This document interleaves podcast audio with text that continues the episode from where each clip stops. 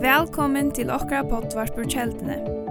Loika mykje hvert du er stater i dag, så vana vi at hesen båskapring kan være til oppbygging for det og for tukt antalliga loiv. Takk fyrir at du loir av og njød dagsens båskap.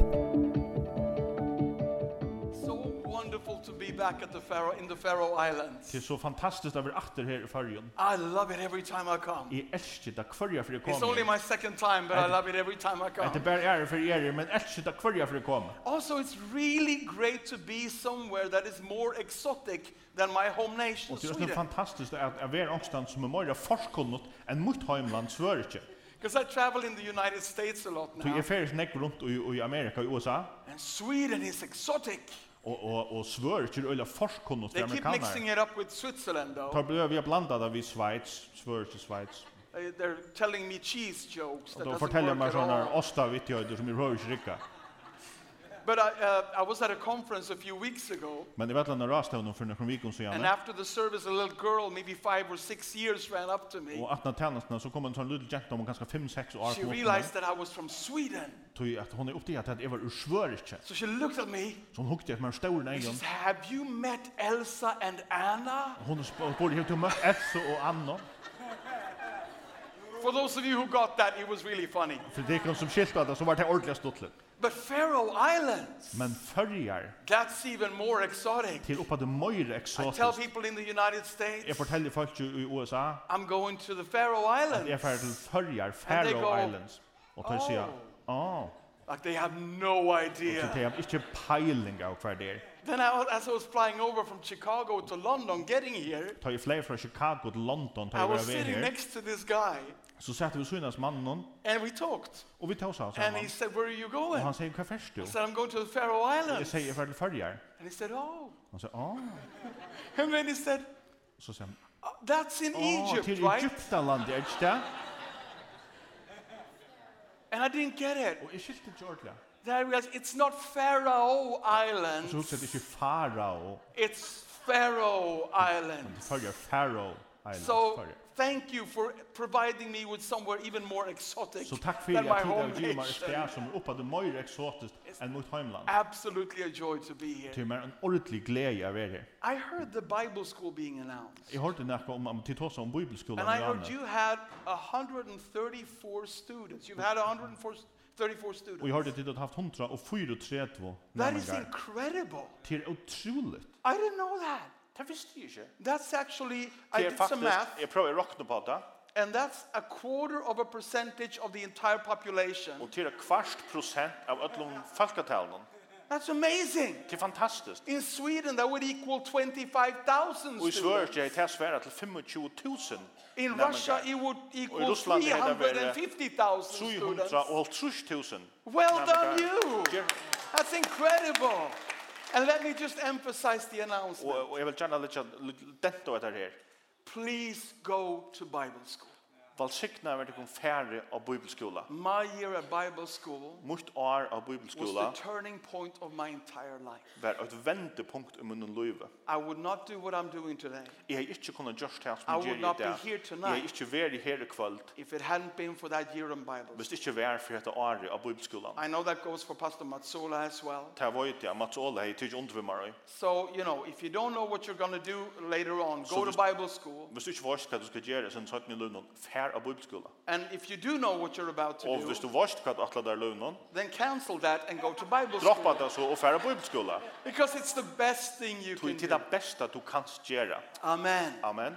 Now, the theme of this conference is building the kingdom of God. Temaet til hese påskestevnene er at bytja Guds rydje. This morning I emphasized that Jesus says that the kingdom of God is inside us. Og i morgen så leier dette at Jesus sier at rydje Guds er innan ui So okko. when we are building the kingdom of God, the first thing we need to build Så tar vi bytja Guds rydje. Det første som vi tar skulle is bytja our own er relationship with okkar him. egna forhold vi han. And out from that relationship, Og ut ur tui forholdene things can happen around us. så kunne ting henda rundt om In our okko. family, Og i okkar in familjon. our church, Og i okkar samkommer. in our cities, Og i okkar and bujon. in our nation. Og i okkar tjau. So I spoke this morning about hearing the voice of the Spirit. Og i tås er morgen man sier vi at høyra rødthøyla And andan. tonight I want to speak about God's dreams in your heart. Og i kvöld så ikke jeg tala vi Guds om Guds dreymar og utunne hjärsta. And how every seed planted inside of your heart can grow Og hvordan alt fræ som er planta utunne hjärsta kan and växa produce a fruit that will build the kingdom of og God. djeva avvöxt som kan bytja Guds rydje. Now, before we get into the word, Men Aron vil liksom komme inn i året sjálv. I want to take you along to a certain place in, in California. Så vil jeg gjerne føre at jeg kunne til et bestemt sted i Kalifornia. Now, Uh, there's a place, a desert called Death Valley. Det her er en øyemørs som vil røpt Death Valley. Now, Death eller Valley is- Deians Daler. Incredibly hostile. Det er ø- utrolig uh, ofruktabart It's sted. very hot Her er ekvelig høyt, and it's very dry. og her er ekvelig torst. So, the opposite of Faroe Så Island. det er liksom det øvete av fargen.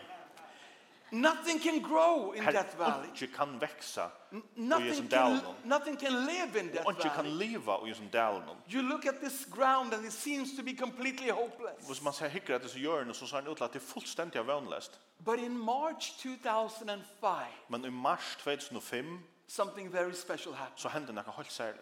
Due to very specific and special and unique weather conditions, Jeg tror at vekkere var øyelig særlig akkurat til periodene. rain clouds piled in over Death Valley. Så kom en regnskudds rekende inn i vår hendene And dalen. rain started to fall on the dry ground. Og det blir jeg regna av hans torre hjørne. And you know what happened? Og hva du hva hendte? You're supposed to say no. Let's do that Til again. da jeg sier, nei, jeg vil takke til om at du. You know what happened? Vet du hva hendte? I'm going to tell you. Jeg det skal jeg fortelle deg om. This happened. Hette hendte. And the entire desert Öll øyemørsen. was turned into a beautiful, colorful garden. Klønkløn, flottan, farverugan And hava. people from all over the world Og folk ur öllun høymen og came to study this amazing miracle. kom og fyrir kanna etter det fantastiska How could a desert- Ah. Hvordan kan A en øyemørs hot and dry ground gjøre som er høyt og be turned torr into this beautiful Luiva garden. til en av vekra ostagern? And the answer was, of Og course, svære vær sjálvande that there were seeds in the ground. at her vær fræ ui hjørne. Hallelujah. There were seeds in the Her ground. vær dør fræ ui hjørne. Now the seeds were lying there waiting for their right condition, Og tei lå her og boja og etter de røtte omstøvnen. waiting for the rain. Og to boja og fall. etter regnet skulle falla. And when the seeds already planted Og tei seg fræene som langt og vær og planta i, met the rain of heaven, møtte himmelsens regne, transformation power was released. så ble ombrøytingar kraft for løst. And even a dead desert could be turned into a colorful garden. Og sjalt en deg øyemørs kunne bli en farverugur ostagern. Now maybe you're like me, Og kanskje du har lykkes med that you have Death Valley areas in your life. at du hever hesir deians del omrøyer uten en løyve. There might be some areas that are fully functional, Det er kanskje som i omrøyer som fungerer where, fullt. where God is moving, Her er god, han gjør and nekka. everything is amazing. Og alt er fantastisk. But maybe you have a Death Valley area somewhere in Men there. kanskje her er ut øyne av denne deians del økken og Maybe your økken bad temper is your Death Valley area. Kanskje er du ilsentur, og kanskje te er You tutt. can't seem to break through. Etter at du klarer ikke å få tjøkkenbrå. Maybe your marriage relationships is your, is your Death Valley. Kanskje at du tjonarband er tuin deians deler. Maybe your bad negative self-image is your Death Valley Eller at du area. Er negativ uimend av deg sjolvun er tuin deians deler. Maybe you're experiencing a financial Death Valley right Kanskje du now. har futjalja troblagar og te er tuin deians deler. Whatever is your Death Valley, my friend, Lukka mykje kvært tuin deians deler I'm here to er. tell you Så er tonight jeg her for å si at her i that there are kvöld seeds planted in that Death Valley. at det er og fræ som er og There plantar are ut han seeds of deians deler. change planted in Fræ your av Death Valley. brøyting ut undan deians deler. And the rain is coming your Og way. regne te er av ve. The rain is heading your Regne way. te kjemur tuin ve. And when the rain of the Holy Spirit Og te regn høyla antans. meets the seeds already planted by the Lord, Møte tu fræin som Herren longu har planta. there is not one death valley that can with, withstand his Så power. er ungen deians deler som kan standa imot i hans herra kraft. So if you have a death valley in your life Så somewhere, hvis du hever en deians del og tuin og luv i angstendnes, you're in good company. så er du gåen selskap. Every single biblical character had one. Allir personer ui bøyblinni høttu ein sånn deians del. Moses had a death valley. Moses heie, He couldn't speak. han tog ikke tåsa. Gideon had a death valley. Gideon hei en deians del. He had a bad self-image. Han hei en loa mynda av seg sjolvun. Jeremiah had a death valley. Jeremias hei en deians It del. was his youth and Det var inexperience. til at han var unger og oerfæren. Mary had a death valley. Maria hei en deians del. She had never been with a man. Hon er ungande veri saman med en mann. She didn't qualify for her calling. og hon var ikke kvalifiseret til det som var kallet til. And I want to read one of those many stories. Og jeg får lese øyne av Taimon Mongo When søvn. God comes to a person with a death valley area At høy god kjemur til en person vi og noen deians del økje sin løyve. and how that area is changed. Og hvordan det omrøy løyve noen vil bra. If you brought your Bible tonight, Hvis du tidsi bøybna vi i would kvall, you please follow me to Genesis 17? kunne du så slå opp av 1. Mosebok kapitel 16, And we're going to read verse 4 and 5. og vi får ve- lesa vers 4 og 5. 4 och 5. 4 og 5. Same in Swedish. Genesis 17, 1. Mosebok 16, verse 4 and 5. vers 4 og 5. This is God coming to a man called Abram. Hette er god som kjem til en mann som heter Abraham. And Abram had a death valley area. Han hei jo en deians del og sunn He løyve. did not have any children. Han hei onge bøtten. And God speaks to him. Men god han talar til han. And he says, As for me, this is my covenant with you. Og han sier, for meg så er hetta mun sattmale vi til. You will be the father of many Tu nations. vil feir at mongon tjauon. No longer will you be called Abram. Tu vil ikkje langer kallar Abraham. Your name will be Abraham. Navn tu skal være Abraham. For I have made you a father of many Tu nations. er hava gjørst det til feir at mongon tjauon. Please note what, what God says. Prøv legg mest til det som god sier. First, he says, You will be, Fyrst sier han at du fest er at A vera father. feir, en feir, for I have made you a tu father. at jeg hava gjørst det til en feir. Same in Swedish. In other words, you will become who you already are. Det vil si at du fest er blivet han som du langt erst. In my eyes, says the Lord, Og i munnen eion, sier you are Herren, already a father. så erst du langt en feir. And you will become Og du først er blivet who you already are in my eyes. han som du langt erst og i munnen eion. God knew the seeds planted in Abraham's death valley. Tu god visste hva for freva planta og i Adams at deia del. Eph- Ephesians 1 says, Before the foundation of the world, he called us. Efesus brev 8 sier at Arn Heimeren var grunda og He kallar han chose okkon. us. Han valde okkon. He planted the seeds Han planta i already. og et fre lango. And you are already something in his eyes. Tu erst lango neka ui hans her eion. And even though the devil wants to show you the image of a hopeless death valley, Og sjått om djevelen vil vise at den er mynd um av den vøgnleis som deians dele, God wants to remind you about the seeds planted så vil god minna di av ta freie som lango er planta. and the potential of those seeds. Og ta potensialet som er ui til freien. You will be who you already are. Tu først er bliva tann som tu lango Abraham erst. was already a father in the eyes of the Lord. Abraham var lango en feir ui eion And herrans. God proclaimed Og god han proklamerar er i those seeds that are already at planted hese freien som lango er og planta, will come alive. de færre a vekse opp og bli And your, livande. your death valley Og tuin will, deians will daler be turned into a beautiful garden. verur ein vekur urstagar. Now, I'm not saying that you can become anything. Jeg sier ikke til at du kan blua hver som helst. Some people think they can become anything, Som jeg halda til at jeg kunne blua hver som helst. and you can't. Og det kan man ikke. I don't know if you've seen the clips from Britain's Got Talent. Jeg vet ikke om tid å se noen filmklipp, klipp fra sånne talentkapping noen Britain's Got Talent. And someone comes on stage Og onker kommer her oppe på scenene, full of confidence, fotler av kjolsalite. thinking they're the best singer in Og, the hal- og world. heldig seg være besta sangare ui verne. And then they open their mouth, Men så lette de munnen opp, and we go, Oh, og vi tok seg av. somebody should have told you. Onker skulle ha fortalt her. Your mother should have told you. Mamma, du skulle ha fortalt her. That maybe not, Jeg kanskje ikke, maybe not national television. kanskje ikke av landsdekkende sjånvarpe. You cannot be anything. Man kan ikke være If hver you're som not a helst. singer, don't try to be one. Hvis du ikke erst en sangare, så være vi røyna være en Save sangare. us all. Bjerg og spær og kun ødel undan du. But you can become everything God has already made you. Men du kan spliva allt det som god lång og hever gjørst det til. He has made you holy in Christ. Han er gjørst til høyleian og i Kristus. So you can become holy in your Så lifestyle. du kan bliva høylaver ut undan livet. He has made you more than a conqueror in Han er Christ. gjørst til møyra enn sikrande i So you Kristus. can be more than a conqueror in this life. Så at du kanst møyra enn sikra ui hesson liv nå. You can become everything God has already made you. Du kan bliva alt det som Gud langt hever And I gjort think til there is nothing that God loves more Og jeg tykker at det er ikke som Gud elskar than Moira taking people with Death Valley areas, enn å teka folk som hava en sånn deians del ut av løyve. people that the world despise, Folk som høymeren ikke damer. people that didn't even believe in themselves, Folk som ikke gong tro på seg sjolvan and just let His rain pour down og bare lærte oss ut regn fatla and let the seeds already planted come alive. og lærte seg fræene som langer er planta, planta i bliva livand. Brothers and sisters, I want to introduce to you my favorite church member from back home. Brøver og systrar, jeg vil gjerne presentera deg fyrir min noen favoritt samkommelig med her I, heimanfra. I know that as a pastor, I'm not really allowed to have favorite church members. Jeg vet at som pastor er vi ikke ordentlig løyve til å ha favoritt samkommelig med. I know Pastor Pauli and Justin would never have favorite Det var church det at members. Jastrid og Paule kunne ikke funnet på å ha haft. Mm. Never ever. Omgang til nekrantøy. But I do. Men, men det gjør jeg lukka. And this is my favorite church Og member. hette min favoritt samkommelig med. That's Jonathan. Han heter Jonathan. And uh, Jonathan has got Down syndrome. Og Jonathan han har Downs syndrom.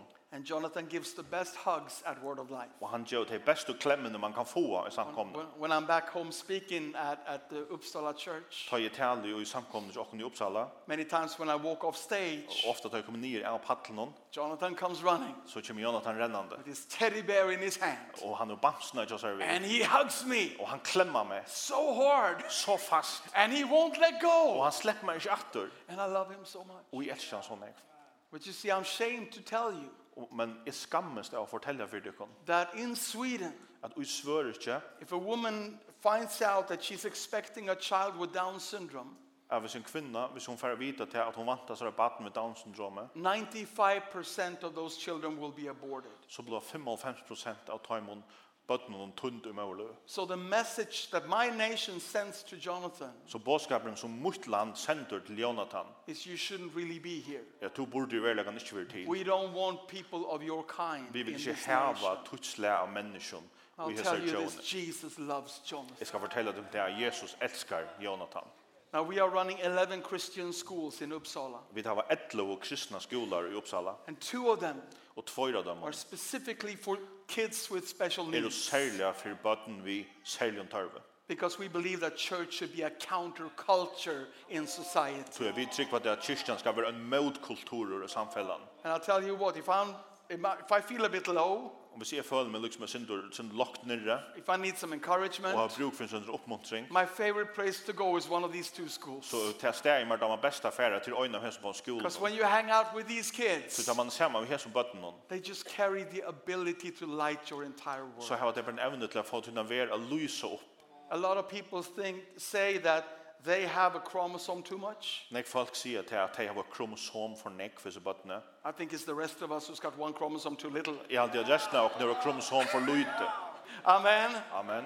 So, uh, one day, uh, a few years ago, Så en dag for noen år siden, Jonathan was downtown så var han nere i midtbøyden, and was doing what we call city training. og han gjør det, vi, vi kallar det bojarvenjing. That's when we take the kids downtown and we teach them how to, how to move in a city environment. ta ta betyder att vi tackar botten om man med på en och så liksom lära av det affärast i färslen nu Like how to cross the street, hur som man för tvärs om and vägen how to make a purchase in a store. och hur som man för till handels And all of a sudden, Jonathan stops och knappt så stäcka Jonathan in the middle of the central square of Uppsala mitt av torgen och mitt i Uppsala and he starts singing och han börjar synja at the top of his voice. så harsh som han orskar And he sings a song the teachers never heard him sing och han before. synger en sang som läraren alltid har sen sjungit för Sings, There's a tree in my garden han synger till ett trä i mun hava that is a hundred years old. som är hundra år gammalt And teacher just stands there.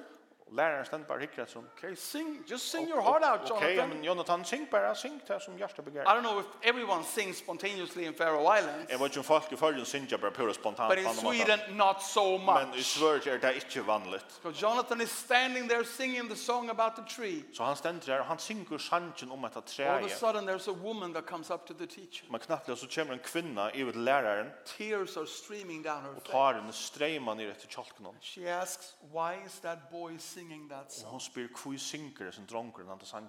Teacher says, I have no idea. Læreren sier, jeg vil ikke peiling av det. Then this woman shares a story. Og og så forteller hon sina søver. She's been suffering from long-term depression. Hon har leo tunglint og lenka tøy, She's given up any desire to go on living. og hon har givet opp all, allt innskje om at blå vi a liva, And that very morning, og tann sama all morgnen, alone in her apartment, åndsama til sinna uibo, she prays her very first prayer to God ever. så ber hon sina fyrstu bøn til god nekra tøy. God, if you're out there, Hon sier, god hvis du erst ut her, and if there is a reason for me to go on living, og hvis det er noe grunn til at jeg skal blå vi a liva, give me a sign of your love. Gjør meg så et tekken om tyng kærlega. Have somebody around me sing my favorite song from when I was a Få, little girl. få omkran som jeg møtte, jeg synes at min inte sang fra til jeg var småkjenta. The song about the tree Sangen om treet, that is a hundred years old. som um er hundra år gammalt.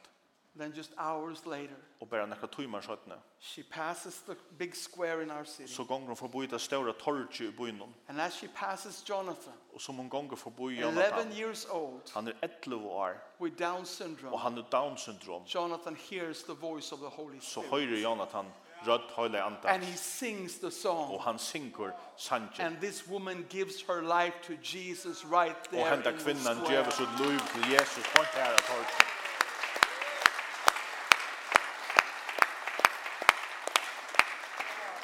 And then later, the teacher brought Jonathan to me, Søttene så kom læreren ut til min vi Jonathan told the story. og fortalte henne så I said, søvna. Jonathan, sing the song to Og Pastor. han sier, syng, syng henne sangen for pastoren hon. Jonathan said, What song? Og Jonathan sier, hvem sang? He couldn't sing the song. Så tog han ikke synge sangen. He has never been able to sing the song Och han- ever, ever. Ongan til synge sangen så gjerne. Not before nor later. Først i åren, etter aftan hans hendingsna. But at that moment, Men ui tui løtene he could sing it så kunde han synge by henne the power sangen of the Holy vi Spirit. kraft høyla andans. Now, my nation might point their finger at Jonathan saying there's nothing f- to this guy. Det har gått fra mot land pojkar etter Jonathan og sier at hesen er ikke verdur. But God knows the seeds that he's Men planted in Jonathan's god heart. void hva for fræ er planta i hans The hjärsta. seeds of an evangelist, Fræ gir tjå en the evangeliste. seeds seeds of a soul winner. fräje tjånen. Can we just give it up for Jesus Christ and give some glory to God? You will become Du skall bliva everything that you already are in God's allt eyes. det som du långt erst i Guds Every ögon. secret seed planted in your heart Att de lögneliga frä som är planta i ditt hjärta will come alive skulle bliva livande when the, spirit, when the rain of the Spirit starts falling. ta och hålla andans regn börjar att So if falla. God plants the seeds Så hvis Gud han plantar saje and if God brings the rain, och hvis Gud kommer vi then, regnen then what are we supposed to do? vad vad skulle vi så göra? What is our Vad responsibility? är åkara apert? Two things. Två ting. And both have to do with our Och hearts. bär i hava näka vi åkara görstra göra. This is why the Bible speaks so much about our Till hearts. tog i Bibeln tåsas näka om åkara görstra. You realize that the second most wor- used word in the Bible is heart. Näst mest brukta ord i Bibeln är hjärta. Second only to the name of the Lord himself. og til, til nast at han har navn herrans. We're constantly reminded to take care of our Vi hearts. blir avhaldande mynt om at taka okkur av okra gjørstum Keep our hearts clean and pure. og halda det røyn. And I want to mention two Og jeg vil things nevna tvei ting that God needs for us to do som god hu tørva at vi gjera so that these seeds can grow så at dette fræje kan and the veksa death valleys can be turned into beautiful og jeg ser gardens. deians dalar kunne bluva vekk Number orsdagar. one. Nummer 8. God needs a humble heart. God hu bruk for en eimjukun hjärsta. a humble heart. James says that God Jakob. opposes the proud but shows favor to the humble. Jakob sier at god stendur dem stolt og møte, men viser miskunn til den eimjuka. And I don't know about you, but have you ever read all the lists in the Bible? Jeg vet ikke, men hevdu nekkan du, hevdu nekkan du lise alla listaner i bøybina? Lists of things that God hates. Listar over ting som god hætar. And have you noticed that pride is on the top of every single Er det one? nekka laga mest til at stoltløyge stendur overst av kvönd i øynasta lista? And we go, Pride? Vi hugsa stoltløyge, Really? olvara, Is that the worst er thing? ta, ta ringasta, In a way, it is. ja, og en hot er ta. Because you see, pride blocks the seeds from growing. Tog jeg stoltløygen er hindrar hesson fræin og jeg veksa. Pride maintains the dry and the heat in your heart. Tog jeg stoltløygen, han er vil lyka heldur, enn den her hitan og hetta torrhøytna utan hjärsta. And disables the growth process of all God's dreams Og in your heart. stekkar vakstar tilgångni av öllum Guds dreim And under that tun is why hjärsta. God works full time to keep us humble. Og til tui god arbeid fulla tui vi har halda okon And he's got eimjøk. so many ways of doing Og han that. er så nekva matar a gjerra det. He uses his word. Han brukar sitt år. Have you, have you ever experienced that? Har du nekkan oppleva det? God uses his word to keep you humble. At god brukar sitt år a halda di eimjøkan. Maybe it's just me, Kanskje er det bare jeg. but sometimes I've opened my Bible Men først så har vi lagt min bibli opp. and I've expected the hands of the Lord to reach out Og jeg har vanta hendur herrens lyk som har rakkast And ut embrace og me. klemma meg så løsner, and pat femføvna me on meg the head. og klappa meg av nakkan. And instead, Men i stegin the hand of the Lord comes out så kommer hånd herrens and smacks me in the og face. slær meg i ansikt. Why? Because I read Tui, something tui at jeg lyser okkurst that I realize speaks to a weakness in my som life. talar til en voikløyga i munnen løyve. Something I need to change. Okkur som jeg må brøyta. Something I need to adjust. Okkur som jeg må justera. God uses his word to keep me humble. God brukar sitt år å halda meg. And he eimjúkan. uses the presence of his spirit in our Og han life. brukar òsne nærverna tja sunnun anda ui okra løyve. Have you ever said something you shouldn't say? Hetta nakkan sagt okkur som du ikki burde sagt. Done something you shouldn't Eller do? gjørst okkur som du ikki burde gjørst. Made a Facebook comment that you shouldn't have made? Skriva en Facebook-kommentar som du ikki skulle ha skriva. And then regretted it. Og så enkra det. You felt bad about it. Du følte ditt illa at And han you asked for forgiveness. Og du ber om fyrtjøving. You deleted the comment. Og du sletta jo That is God, vimerskinsna. God's spirit working inside Det of er you Guds ande som arbeid ui tær. to keep you humble. For jeg halda det eimjukan. But our least favorite way Men okra minst, eh, den da- maten som vi damar, den that minst God, that God uses to keep us humble som Gud brukar halda okkur eimjuk, is when he uses other er tar people. han brukar onnur menneskjå. Oh man, we hate that. Det hæta vi, det When skjønner. God sends someone in our way Gud sender onkran inn okra vei, to point out an area in our som- lives og- og poika av et område i okra løyve, where we have pride. her vi det var stoltløyga. Oh man, I remember once Jeg minnes det øynafær, when he did that. tar han gjørt det. Um, see, every other, every two years Så- Så det er annak først in our år, church we do a project called the Euro Tour. og i okra samkomst så har vi denne verskatlan som heter And a, Euro-turen. a few hundred of our young people are going out in Europe on a big evangelistic tour. Og nøkker hundra av okra unko til færa til Europa og en sånn evangeliseringstur. They rehearse a major 45 minute concert til trena til å ha en konsert som teker 45 minutter å using spela. music and dance and drama, Til tonlager og til dansor og til drama multimedia, spoken og word, multimedia og til praktika. all to present Jesus. Allt fyrir at liksom presentera And then, Ah, Jesus. then we work with local churches all over Europe Og så samarbeider vi vid lokala samkommer. and we perform this concert on outdoor streets and, and, and, uh, and uh, uh, corners. Og vi tar til åttan dora liksom ut i gøtene og ut i gætehjørnen og så er. So this specific year we had almost finished with our planning for the upcoming Euro Tour. Så heter det er her Ari, og vi var nästan lio at liksom letja så atlanna til rattis fyrir And tanturen. then one day there is a knock on my door. Og en dag så benka det av ditt nærkja mer. And I've been working with young people for 27 years Og jeg now. har arbeidt vi ungdommen og i 22 år nå. I can identify a young person by the knock on the door. Så jeg vet at sånne unge personer vi bare gosset er benka av horen. Like old people like me, Gamal fastlig hos meg. when we knock, we do. Vi bänkar såles när. But if I hear Men hvis jag hör det, there's a teenager outside, så är det en teenager utanför. so I said, Come in. Så så kom in In comes a 14 year old girl from our youth ministry. och in kommer en första några gamal tjänste och åkara She's ungdomstjänste. fired up. Hon är er totalt uppe i köra. She's, Pastor, Hon säger pastor, I got this amazing jag har idea. ett fantastiskt husgott. I'm too old to even do the gestures Jag anymore. är, är er så gammal, du är så gånger hemma sen. And she said, When we're doing the Euro Tour this summer, Hon säger tar vi färra Euroturen i sommar. why don't we do a big fat Jesus concert Låt oss göra en stora fojta Jesus-konsert. at Disneyland Paris. Och i Disneyland i Paris. And I looked at her Och jag hukte till henne. and I smiled, Och jag smultest. this kind of smile. Och så sa hon, Because in the back of my head, tog jag att det liksom i hatten hon. I was thinking, that's Så hon säger, impossible. det är omöjligt. Oh, little girl, Ha luttla genta. the things you don't know. Tei tingene som du ikke varst. Disneyland would never, ever accept us. Disneyland kan ikke funne på Our alle concert åpne. is like an in your face Jesus concert. Akkurat konsert er så har klask i ansiktet i They Jesus would never konsert. allow that in their, in their amusement Og park. til den unga det løft i sånne her parsk. So I said to her, wow, that's Så uh-huh. interesting. jeg hatt er ahua verst. Now, now leave. Ja, takk for det, fer nå ut. And she said, thank you for hearing me out, Og så pastor. takk for at du lurte etter meg. And she left. Og hun får. And I have to be honest with Og you. jeg skal være pur ærligur By the time she shut the door, at ta hon lät horen attor. her idea was already halfway down my mental waste paper basket. Ta var hennar hoskot langt og holvan ved nyr i munna mental og skrellspann. And then the Holy Spirit spoke to me. Men så talar jag höll anden till mig. And he said, Joachim, Han säger Joakim, when did you become so proud när är du bliven så stoltor as to not even consider att du inte en gång vill huxa if an om, idea is from me om att hoskot är från um er? just because the messenger is 14 years old? Bara tog jag båbären i 14 år. And I just, I'm sorry. Jag säger omkylt, omkylt.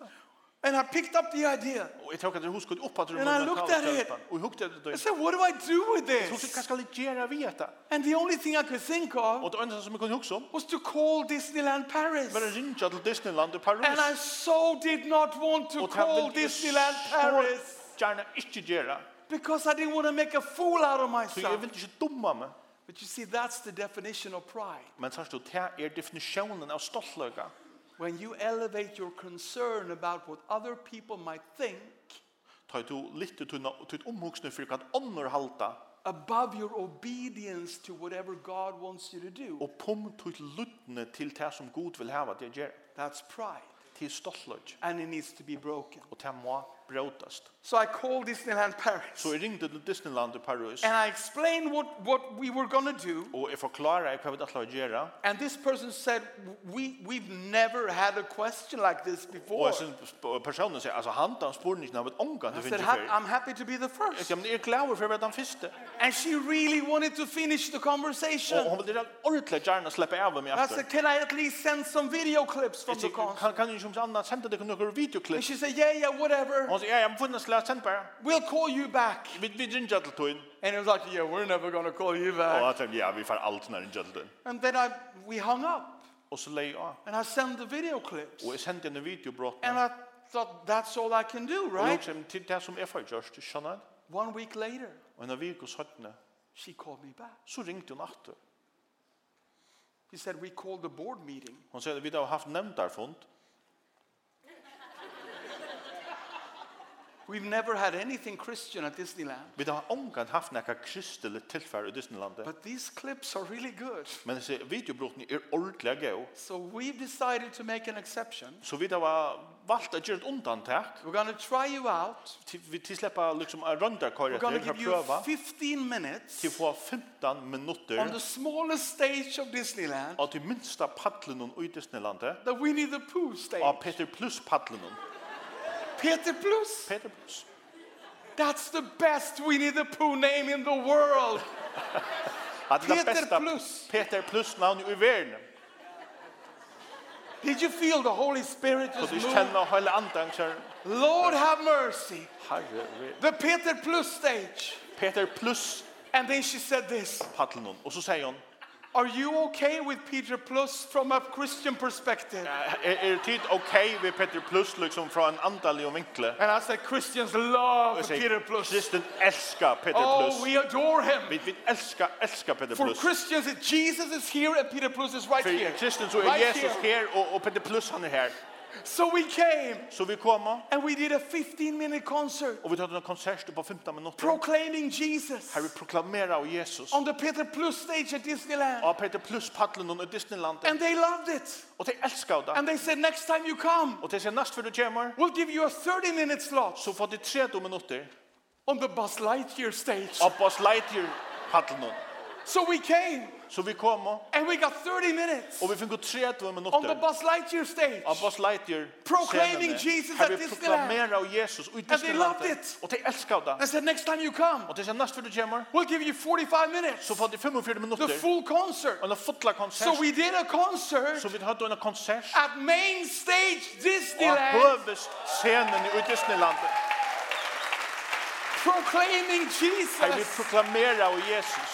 And when I stood there Og ta i stå her, and I saw my young og people jeg sa mine going ungdommer wild and crazy for som var Jesus vittl for Jesus on main stage Disneyland, og høve scenene i I thought to Disneylandet, myself, så husker jeg meg selv thank God takk god for a 14 year old girl för en 14 år gamla jento that Jesus used som Jesus brukte to keep my heart att humble hålla mitt hjärta enough, enmjukt enough for his seeds to grow. så hans ära sa kunde växa. Can we give some praise to the Lord in the house of God?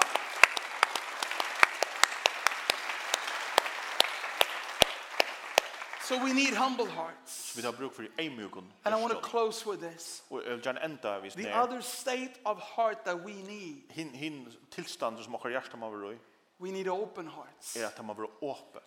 We need open hearts. Att man vill åpe. Because sometimes Tog att vi först the dreams of God så är det Guds are, drömmar are bigger than the capacity of your heart. större än att de klarar romast och tunna hjärta. Isaiah speaks about Och this. Isaias han tåsar om det. Isaiah 55, verse 8 and 9. Och i kapitel 5, vers 8 och 9.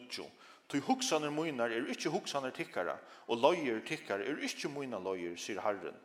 Nei, som himmelen er hakre enn jøren, er løyer munar hakre enn løyer tikkara, og hugsaner munar hakre enn hugsaner tikkara. Now, when we read these verse, words, Og tar vi lesa hese i årene, it might look like God is just saying, Well, I'm up here and you are down here. så virkar det synd som er god, ja, men er her oppe og tider her And nere, that's the way it og is. således er det bare. But read verse 7.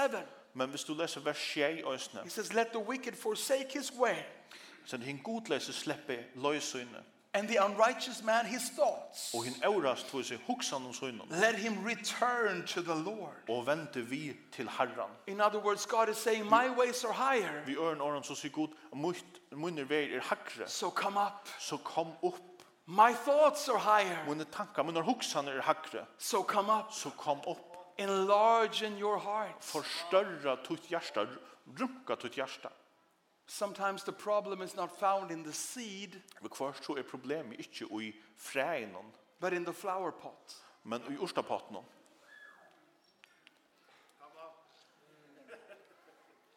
Nothing wrong with this flower. Det er ikke gale vi hese It's blomsten. supposed to be a small one.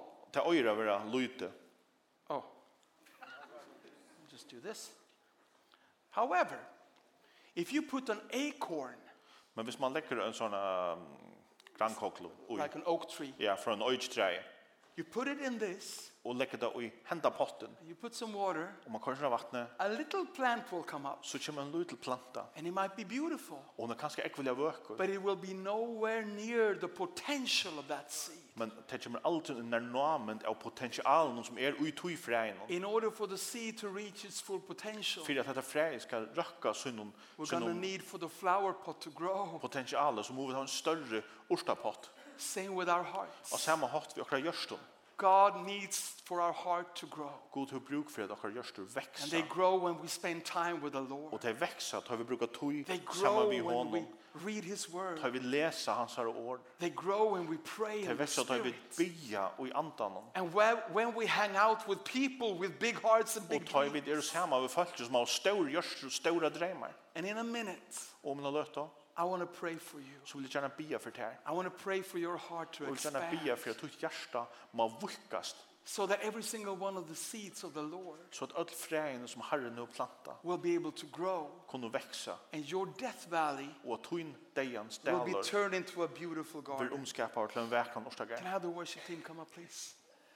Let me just finish with one story, Nu bara enda vi under sjövon like a personal testimony. til liksom en personlig vittnesbord. Um, you know, in, in, um, in the Baltic Sea, Og i, og i, og i det baltiska havnen, in between Sweden and Finland, mi- mittlen uh, Sverige og Finland, we have cruise ships. så her har vi sånne, sånne feriemanship, cruise Now, ship, we all know og vi vet öll that in our parts of the world, people do not go on cruises like the Bahamas. at uh, akkurat parter av verden her færa folk ikke har cruise på samme måte som Bahamas. When you go on a cruise between Sweden and Finland, Tar man fra en affär mittlen Sverige og it's Finland, for one of two reasons. så er det av øynene av tvøymon årsøkken. Either to buy a whole lot of tax free liquor Andra kort er kjeipa en rikvo av, av uh, taxfree sprutter and get really drunk, og blå rævelig av fotler, or to use the, the conference facilities on board. etla for å bruka fundarfaciliteten her ombord, For- for konferansefaciliteten, meetings. for til funder og rastevner så So er. I took my key staff on board one of these ships. Så jeg får vi munnen, munnen lojan starfolk And, ombord and etter skipen. just to clarify, we were there for reason number two. Og bare for å gjøre det grått, vi var til grunn Reason nummer number 2. two.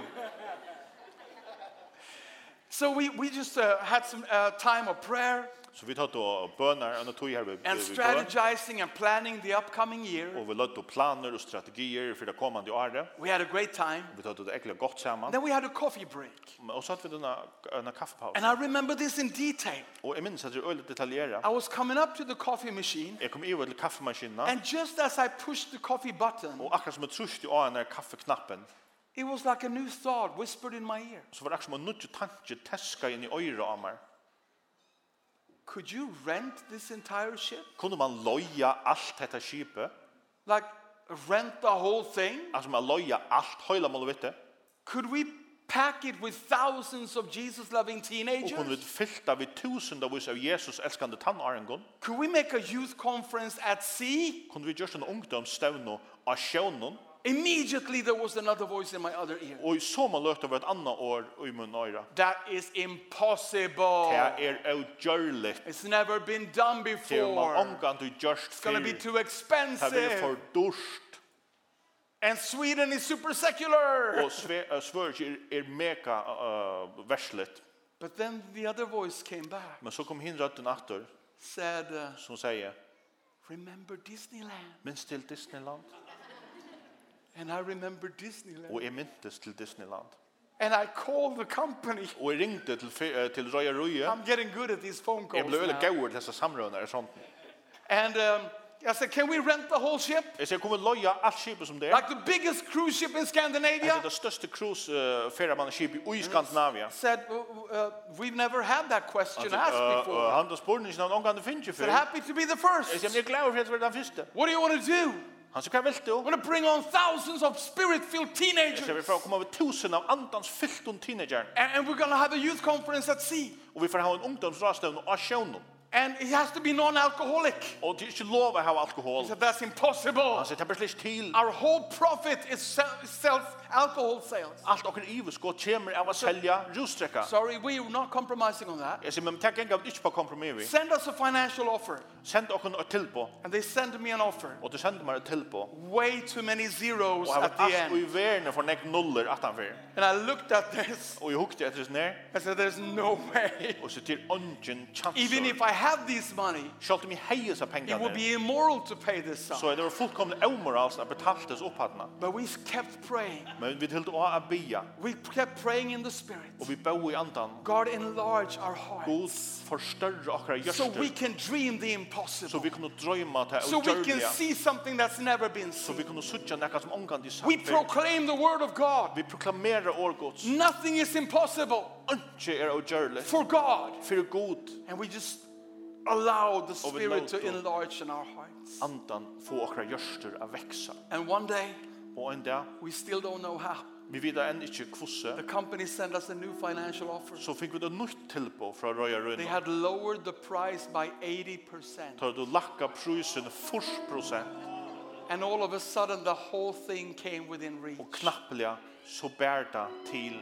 So we rented the biggest cruising ship in Så vi Scandinavia. loja av det største feremanneskipet i And we Norrland. turned it into a church. Og vi gjør det til en samkomma. We brought thousands of teenagers from all Vi denominations tar on du board. tusen av oss av teenageren fra ötlo mövlen troa ratningen om And it vår. became a manifestation that Jesus is alive and well Og det ble en manifestering av Jesus, han lever, in the young generation of og Sweden. ut i unga atterlinjen, og i svørkje. This went secular news all over the nation. Hetta hetta kom og er det verslige tøyendene om um alla alt landet. One paper wrote, Maybe God is not dead after all. Og ein av oss skriva jeg kanskje god er ikkje deg i korsene.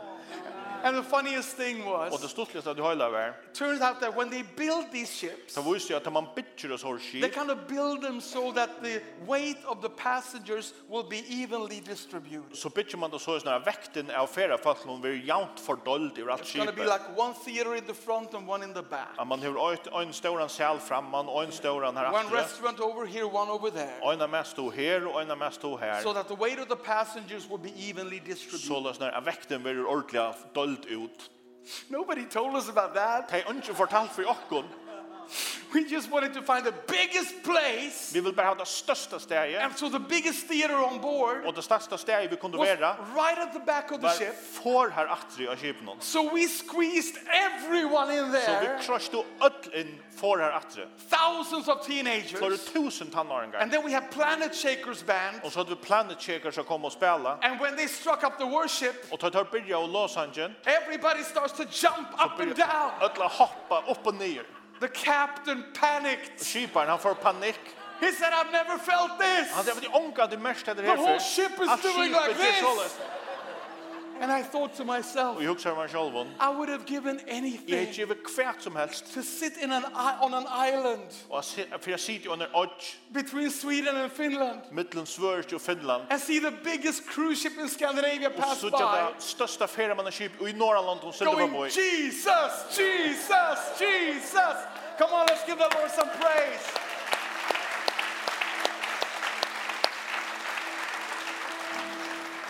And I just want to break this down to your situation. Jag vill bara liksom bråda ta nyår till tøyna stöv.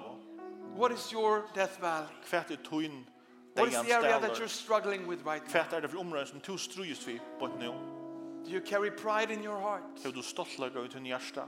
Do you need to allow God to break that pride? Hur du bruk för att god bryter tan stolt Or do you lagar. need for Him to grow and Eller expand du your bruk för att heart han rumpar tutt hjärsta. so that all His seeds can grow into their full Så att potential? allt hans här frä kan växa till sitt Or fulla maybe he, you potential. just need His rain to fall upon you Eller kanske du bara törva hans här regn fettler and water the seeds. och vattnar hans frä som Let's är där. stand up in His Låt honom presence stanna upp i hans här and närvaro allow the Spirit of God to och move löjva right Guds now. anda av virka. Bort Right nu. now. Father, I thank you Fær, jeg takker til her. that even though we carry our Death Valley area, Jeg skjølt om vi til her, så det er del økene i okkar løyve. there are seeds planted in each Death Valley, Så er det fræ som er planta i kvann del seeds of change, brøytingar fræ. seeds of miracle. Fræ om mirakel. And Father, I thank you that you allow your rain to fall in this church Og this fær, night. jeg takker til for at du lette du regn fatle av hans samkomne i kvöld. Right here and right now, Bort her og bort nå. we open ourselves. Så lette vi okken sjálf vi opp. As the rain fall on Og us. så er regn fett av okken. Holy Spirit, fall on Høyla our dry ande ground. fett av okkara torr og gjør. If your death valley is your marriage, Hvis du tog en degens del ut i tjona på. death valley is your family. Eller at du familie. It's your, if your death valley is your mental health, Eller at hun salarlige hølsa. your finances, Det tunne fortjale vidskifter. your relationships, Tunne eh, samband vi ånder. your faith in the future, Tunne tunne trygg av framtiden. whatever is your death valley area, Liga mykje kvært i tunn deians daler. just lift your hands and surrender that, that death Så bara valley to Him lyft tunne er right hånd now. og bare ive djev til til hans herra Father, in Jesus' name, Fægir og Jesu we navn. proclaim we need Så you. proklamerar vi at vi We need har the tørva her. Vi har cross. tørva krossen. We need the Vi blood. har tørva We need blåen. the rain Og regnen. to start to vitalize the For jeg seeds. får hese frægna livn opp at. And we dare to believe, Lord, Og vi tåra at trykva. that when the rain falls upon Herre. our Death Valley area, regnet fettler og okkara deians del. that nothing is impossible for you. at ta er ikke omøvlet for det. And what we're struggling with today Og til vi strøyes vi i det, will be our testimony of praise tomorrow. vil okkara vittnesborer i morgen. Father, if we have pride in our heart, For hvis vi da stoltlager i okkara løyve, break us, Lord. brød okkon så herre. Break our pride. Brød okkara stoltlager. Give us humble hearts, Gjev Lord. okkon eimjuk gjørster herre. And if we have had too small a heart, Og hvis vi da har for lydelig gjørster, too little of an expectation, for lydelig forvantning, enlarge us. rumka okkon så. Enlarge us, Lord. Få okkon av gjøre større. Open our hearts Let okkara gjørster opp, so we can dare to believe the seemingly så impossible. vi kunne tåre at trykva at det som tidsist er omøvlet. I feel the Spirit is here right now. Jeg kjenner at anden han er her nå, And he wants to pro- put faith inside of your og han heart vil letja trygg ut ut hjärsta. for a greater revival that this, uh, these islands have ever seen. Trygg för en större väcking än hesar åtjar näkan det har säga för. He wants to break your status quo Han gärna bråta till status quo and put a new faith in your heart. och lägga en nytt Faith trygg for an outpouring ut of the Holy Spirit Trygg på en andans uthättling on the Faroe Islands. överförjar. I see the young generation of these Jeg islands. sykje det unga atterlig og høsten. God is about to Ocho. step into the young generation of the God er Faroe vi at trakka Islands. inn og i det unga God is atterlig. about to let his rain Og fall. lett oss ut regn falla. God is about to break the hard ground. God han fra brauta det her og hjørna. And God is about to sweep this area Og a føya hette And his young omrøye. Og generation. henne unga- hette unga with a atterlig. Holy Spirit revival. Vi høyle andan. The one thing he needs Her som han er tørva. is for you to dare to believe Er that, at du tårer at trykva. to open your heart At åpna ditt and hjärsta. say, Yes, Lord, Og sier ja that's herre. what I want. Til det som jeg vil. Yes, Lord, Ja herre. that's what I believe. Til det som er trykva. Yes, Lord, Ja herre. that's what I will pray for. Til det som er fra bia fyre. Thank you, Holy Spirit, Takk høyle ante. for moving in our hearts right Fyrir at du now, virkar okkar hjørstum bort nu. for moving in every single heart, At du virkar i øynene kvar hjärsta. breathing faith Andar trygg. for the impossible. Trygg og at det omøvelige kan henta. Pastor Pauli, I hear the Spirit say Pastor Paul i høyre i anden sier that this church building has been expanded time and time at again. hesen samkommebygninger han er vukka og om og fløyre for. But flere prepare steder. yourself Men gjør det til røyar. because it will need even more Så expansion at han skal vukkas opp at mer in days to come. og i kommande døven. For the Spirit is about to move. Tui høyre anden han fer av virka. I see a Jesus movement in the young Jeg skal sutt under generation. Jesus rørslo i de unga atterlinen. I see those who were considered the worst and the impossible ones Jeg sutt jo teg som var råkna for å være det ringaste og teg omøvelige. turn drastically to faith in At teg Christ. venta radikalt til trygg av Kristus. I see lives completely Jeg changed sutt jo loiv fullkomne ombrakt. in a minute Og i en splittsekund by the power of the Holy Spirit. av høyre andens kraft. Father, we say yes. Fær, vi sier ja. We say yes, Lord. Vi sier ja, Pour Herre. out your Spirit. Hell ut din Pour anda. out your Spirit. Hell ut din anda. Let's start to call out for Lät him. oss börja kattla ut av honom om att och hättla ut sin anda. Färg, hättla ut din anda. Pour out your Hättla ut spirit din anda. on the next generation. Och det kommande Pour out efterlivet. your spirit Hättla ut din on the anda. teenagers. Och att han och Pour äringarna. out your spirit Hättla ut din on anda. the fathers and the mothers. Och papparna och mammorna. Open our hearts, Lord, Lät våra görstor upp. and help us to Och believe hjälp oss att tryggva. in what may seem impossible today. Att det som virkar och görligt och i Thank det. you, Lord. Tack Herre. Thank you, Lord. Tack Herre. Oh, it's like my heart is on fire. Jag följer som hjärtat som har brännor. It's like my heart is on fire. Som om hjärtat som har brännor. I want to ask you for one more thing. Jag vill be dig om åtta tre. I so clearly hear the Spirit of the Lord call out in my heart. Jeg For høyre this så time. grått høyla i andan kalla i mun hjärsta og kvöld. And it will require a bit of boldness for some Og in this derfor er at krevje sindra dirve fyrir summi og i But I would sånn like to ask you salmon. Men jeg vil gjerne bia det. if you're 25 years or younger, Hvis du er 25 år etla yngre, I know this is not a youth meeting, jeg veit at hette er ikke et but this is what ungdomsmøte, the Spirit of the Lord tells me. men hette er det som høyla i andan bia med. If you're 25 years or younger, Hvis du er 25 år etla yngre, the Spirit wants to move in your life. så ikke høyla i andan a virka ut He's tunne about to løve. pour out His rain upon you. Han fyrir hetla så regn og det og det. If you're in that age category, Hvis du er i tui alderspøtt, 25 or younger, 25 år etla yngre, would you leave your seat and come to the front right Fær now? seg ur stålen og kom fram her bort nu And just stand up here. og bara stand her I will framme. not embarrass you, Jeg skal ikke gjøre deg for but I want skammen, to pray for men jeg you vil as you gjerne stand. bia for deg medan du stender. And I want your heart to get ready. Og vil gjerne hava at du hjärsta I ver want til your heart to røyar. get ready. Du hjärsta ver til røyar. I'm not saying that these are the most important people in the room. Jeg sier ikke til at dette er det viktigaste folkene i salen. I'm just saying that I see feel about the that. Spirit of the At jeg Lord kjenner anda wanting herrans to move at han innstyr av in the virka life of this group of people. og i luven og tja hesten bølsen. Amen. Thank you, Lord Jesus. Takk, Herre Jesus. Thank you, Lord Jesus. Takk, Herre Jesus. I had a church member come up to me Jeg er uh, en samkommeling a som few kom inn years til ago, meg for noen år siden. realizing I was speaking a lot about the young generation. Så han er uppde att tåla ta sig illa neck om det yngre atterlige. And this um, woman said, Does that mean I'm not important Och anymore? han där kvinnan hon säger mest till att är inte uh, har tutning longer. I said, Sister, that means the opposite. Jag ser syster er tappar tojer You're more important första than natten. ever. Så är det mer tutningar minst än näkran tog. Because when a family has a baby, Så jag tar en familj affär baden you go from being just a spouse to being a mother and a father. så fär man fär man från bara över en match till And över en there's mamma nothing eller en more pappa. important than this. Och till inte viktigare än det. So in this church tonight, right now, Så är det samkomna här på ett nu We have only two categories. så har vi bæra två bølkar. We have sons and Vi daughters, har syner og døtrar, and we have mothers and fathers. og vi har mammor og vi har papar. And in just a few seconds, Og om noen fast kund, I want every single mother and father in this room så vil jeg ha alle foreldrene her i salen to reach out your hands at rakta sin hånd ut to the sons and daughters møte synen og døtrene. and pray, God, have your will in Och this young Be generation. god, lært hun vilja være ui hese, hese unga atterlinjen. Young people Til unge mennesker from this house, ur hese samkom. I was told Jeg har finnet å vite prior to this conference, at bort åren hese so many stevnene, of you have come together så nekva til hun som er kommet sammen to pray every morning og hava bia kvöntan einasta morgon. for days. Og i det av oss, And it was you that came up with it. og det var tid som sjálve funn It og was you pata, who wanted to. det var tid som yngstu da, Let me just tell you, og let meg bare sige der, I'm so proud of you. jeg er så stolt av dere, I'm so proud of jeg you. er så stolt av I'm dere, so proud of you. jeg er så stolt av dere.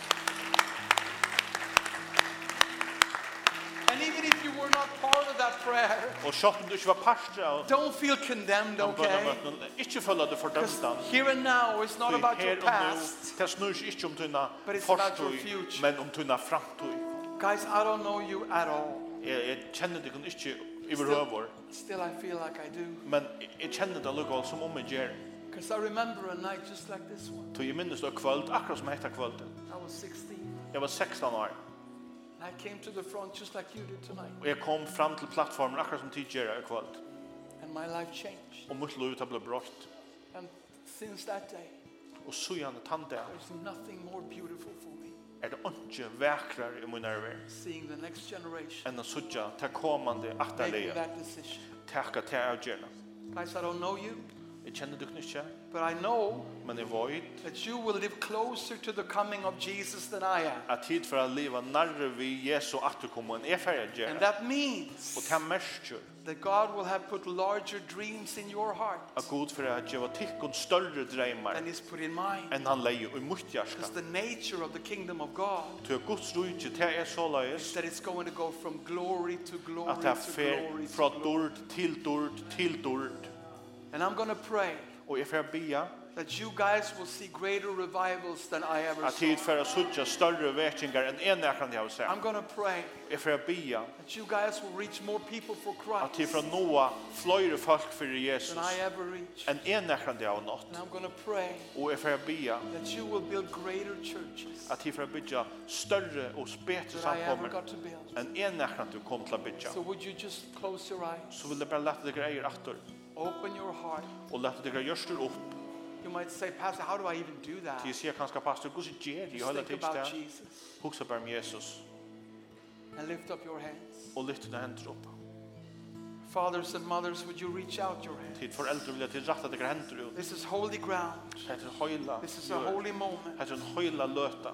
Father, in Jesus' name, Herre og Jesu navn. we pray for the sons and Så daughters. bia við fyrir synun og døtt. We pray for every dream and every seed Vi- planted bia fyrir allan dreimun og fræ sum er in these planta. hearts, Og í Lord. hesa jørstuni, Herre. Dreams that the devil hates. Dreimar sum djevelen And hatar. therefore we pray Og tu in bia Jesus' við í name Jesu navn that you will guard these at hearts, tu fyrir verja hesa that they will jørstuni. never grow proud, At tey ongan du gera stolt. that they will never be too small, At tey ongan du vera for that lutil. they will never be polluted by the world, Og ongan du vera dolka av heiminum. but they will be open Men at tey vera open and pure og rein and passionate, og brennandi. loving you with everything inside of Og them. elska teg við öllum sum tey hava. Father, we speak revival. Herre, vi tar av In Jesus' name. og i Jesu navn. We speak for every school that they Vi tar represent. av alla de skolor som de An omgår. outpouring of the Holy Spirit. Og en uthettling av We pray andan. that you will stir prayer inside of them. Vi ber om at du får spyrja en bøn innan We pray utan. for a great and mighty harvest in their Vi ber generation. om en, en, en større We pray for greater churches. Vi ber om større, større samkommer. Greater outpourings. Større uthettlingar.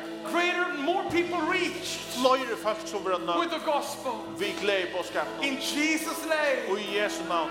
Rain upon them, Lord. Rekna av deg, Herre.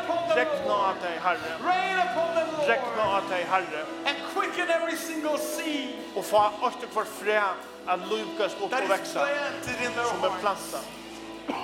Vi tar det gjørst In Jesus' på name. Jesu navn. In Jesus' name, just let's, let's stand, stand Og where jeg you are. stand, stand bare her, And litt just her, stand before the Lord. og bare stand her for And herren, let's, let's, let us worship the Lord. og, og lett henne tilbe herren Just sing a sammen, song of worship. og bare synge en And låsa. as we do, allow the Spirit of Och God mer to med move in Gerard your här. heart. Læs så Guds anda virka ut i hjärsta, And allow the Spirit of God to speak to you. og lova Guds anda at tala til I dig. feel God's Spirit saying to me, Jeg føler Guds anda, han sier meg, right now He's pouring Abort out nu. words. så hettler han ut år, He's speaking to you. han talar til He's dig, giving you dreams. han gjev der dreymar, He's giving you visions. han gjev der visjoner, Some of you will remember this night for your entire life. som jeg tykker fra minnes hetta kvöld til Some resten of you av are hearing løgnet, the voice of God right now for the very first som time. jeg tykker høyra Guds år for fyrst og fyr, So just remain before the Lord. så vi er bare standande framan for herren, And as we worship, og som vi tilbe, just allow Him to touch you. bare la loven å nemma ut. Thank you, Jesus. Takk, Jesus.